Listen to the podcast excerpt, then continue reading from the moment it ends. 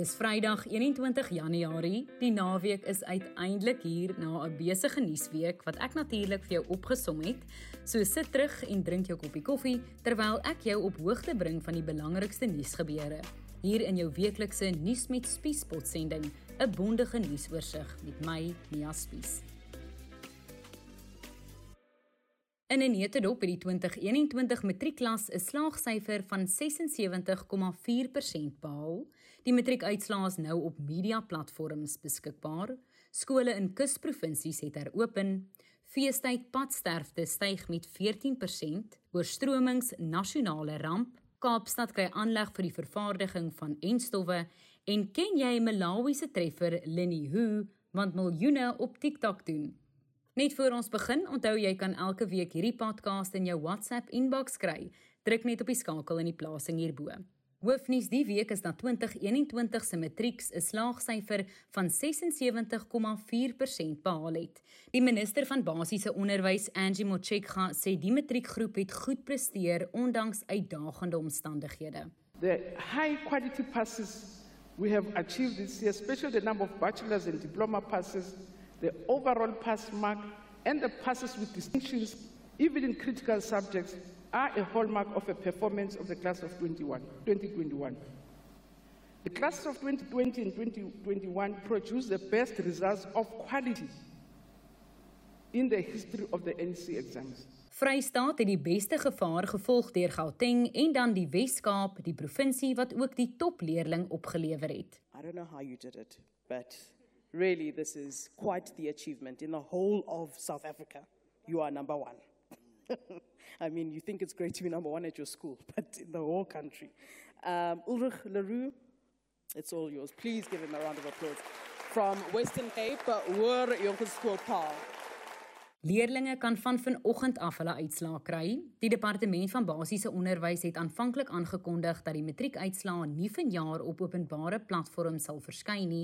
Dit is weens die wet op die beskerming van persoonlike inligting, maar die Hooggeregshof in Pretoria het beslis dit mag wel gepubliseer word. AfriForum se Natasha Venter Dit is in publieke belang dat hierdie inligting op openbare platforms gedeel word en dit is een van die redes waarom ons hierdie aansoek gebring het. Intussen is matrieks in privaat skole wat die onafhanklike eksamenraad se eksamen afgelê het, se uitslae vroeër die week bekend gemaak. Hulle slaagsyfer is 98,39%.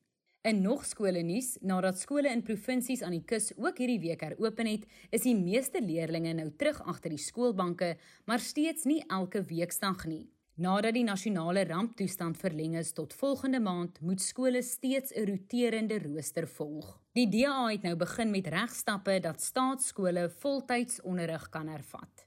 Nou na die paaie tussen 1 Desember en 11 Januarie is 1685 mense op die land se paaie dood. Dit is 'n stygings van 14% in vergelyking met die vorige feestydperiode. Die minister van vervoer, Fikile Mbalula. We must equally accept that in a significant number of instances the competence of our drivers leaves much to be desired. The fact that an overwhelming majority of fatal crashes were because of a single motor vehicle overturning and head-on collisions requires of us to pay serious attention to the competence of our drivers. Mbalula sê dis waarom hy steeds in die doeltreffendheid van 'n strafpuntstelsel vir padoortredings glo.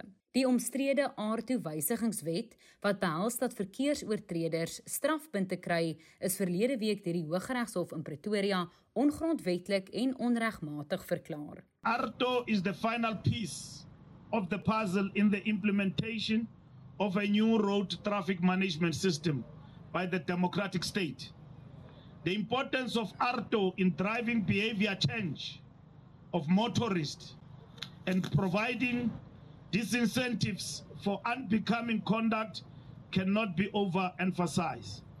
It is for this reason that we have decided to appeal the ruling of the Pretoria High Court. Die nasionale rampbestuursentrum het die swaar reën en gevolglike oorstromings in groot dele van die land as 'n ramptoestand verklaar. Dis veral die Oos-Kaap en KwaZulu-Natal wat hard getref is. Rampbestuurspanne moes die laaste dae bond staan veral in Lady Smith waar meer as 100 inwoners ontruim moes word. Die LER vir plaaslike regering en tradisionele sake, Sipho Hlamuka. For the damage uh, so far is around 3.3 uh, uh but we are still on the ground uh, still assessing especially the you know the incident at Umsinga, incident at Utukela and, and other areas, but the one that already costed is around plus or minus 3.3 uh, uh, billion, which was presented in the Provincial Executive Council to request a declaration so that we will take uh, the report to, to, to national government. So gepraat van die weer, 'n baie warm naweek lê voor vir dele van die Kaap met snikhete temperature wat veral Saterdag in die Boland verwag word. Parelite wees gewaarsku, die kraaie gaan gaap daar by julle.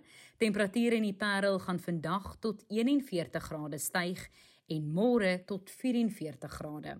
In ander nuus het die Hooggeregshof in Kaapstad die bevel van die Kaapstad Landdroshof om die vermeende parlement brandstigter vir 30 dae vir waarneming na Valkenberg te stuur tersyde gestel. Zandile Maffie wat verlede week in die Valkenberg Psigiatriese Hospitaal opgeneem is, is Woensdag na die Polsmoor gevangenis oorgeplaas totdat sy borgtog aansoek aangehoor word. Volgens regter John Kloppy was dit ongrondwettig om Maffie Valkenberg toe te stuur. In ander nuus het die presidentskap in 'n verklaring bekend gemaak dat die minister van toerisme, Lindiwe Sisulu, haar omstrede meningsstuk wat verlede week in die media verskyn het, waarin sy die grondwet en die oppergesag van die reg erg gekritiseer het, teruggetrek het. En ook dat sy om verskoning vra daarvoor en haar steun vir die regbank bevestig. Maar kort na die verklaring uitgereik is, het Sisulu gesê dat sy onder geen omstandighede die skrywe terugtrek nie en by haar mening staan. Dit het nou als gebeur voor die nasionale uitvoerende komitee van die ANC hierdie naweek vergader. Dit gaan 'n interessante een wees. Dan is 'n wêreldklas aanleg vir die vervaardiging van enstowwe die week in Kaapstad geopen. Die Nant SA enstof vervaardigingskampus is deur die Suid-Afrikaansgebore president van die multinasjonale konglomeraat Nantworks, Dr Patrick Soon-Shiong gestig en sal fokus op alle siektes wat mense op die Afrika vasteland raak. President Cyril Ramaphosa sê dit sal plaaslike reuse hupstoot gee. The coalition recognizes that Africa has both a great need and vast capabilities. The COVID-19 pandemic has revealed in many ways the extent of our continent's health challenges.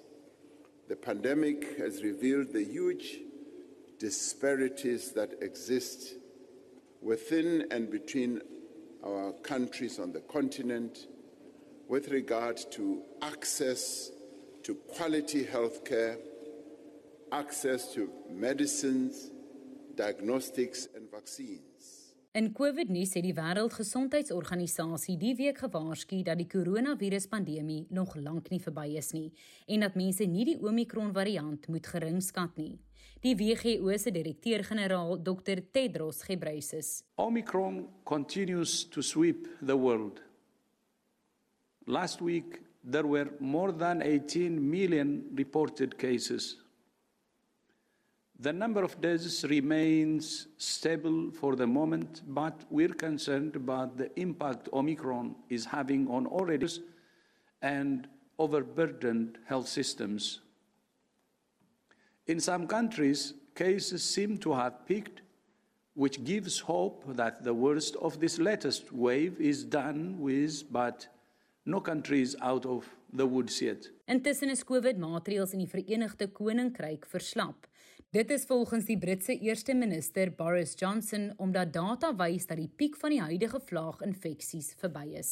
From now on, the government is no longer asking people to work from home. Yeah. And people should now speak to their employers about arrangements for returning to the office. And having looked at the data carefully, the Cabinet concluded that once regulations lapse, the government will no longer mandate the wearing of face masks anywhere. En 'n Malawiese musieklegende het 'n sosiale media ster geword nadat sy liedjie Linny Who al meer as 80 miljoen keer op TikTok gekyk is. Maar die ironie is, die 92-jarige Gide Shalamanda het geen idee wat TikTok is nie. Hy het nie eers 'n slimfoon nie. Hy sê mense kom wys vir hom die video's en al het hy geen idee hoe dit werk nie, is hy bly mense geniet sy musiek. Hy het 20 jaar gelede Linnie vir sy dogter opgeneem. Line ho. Line ho.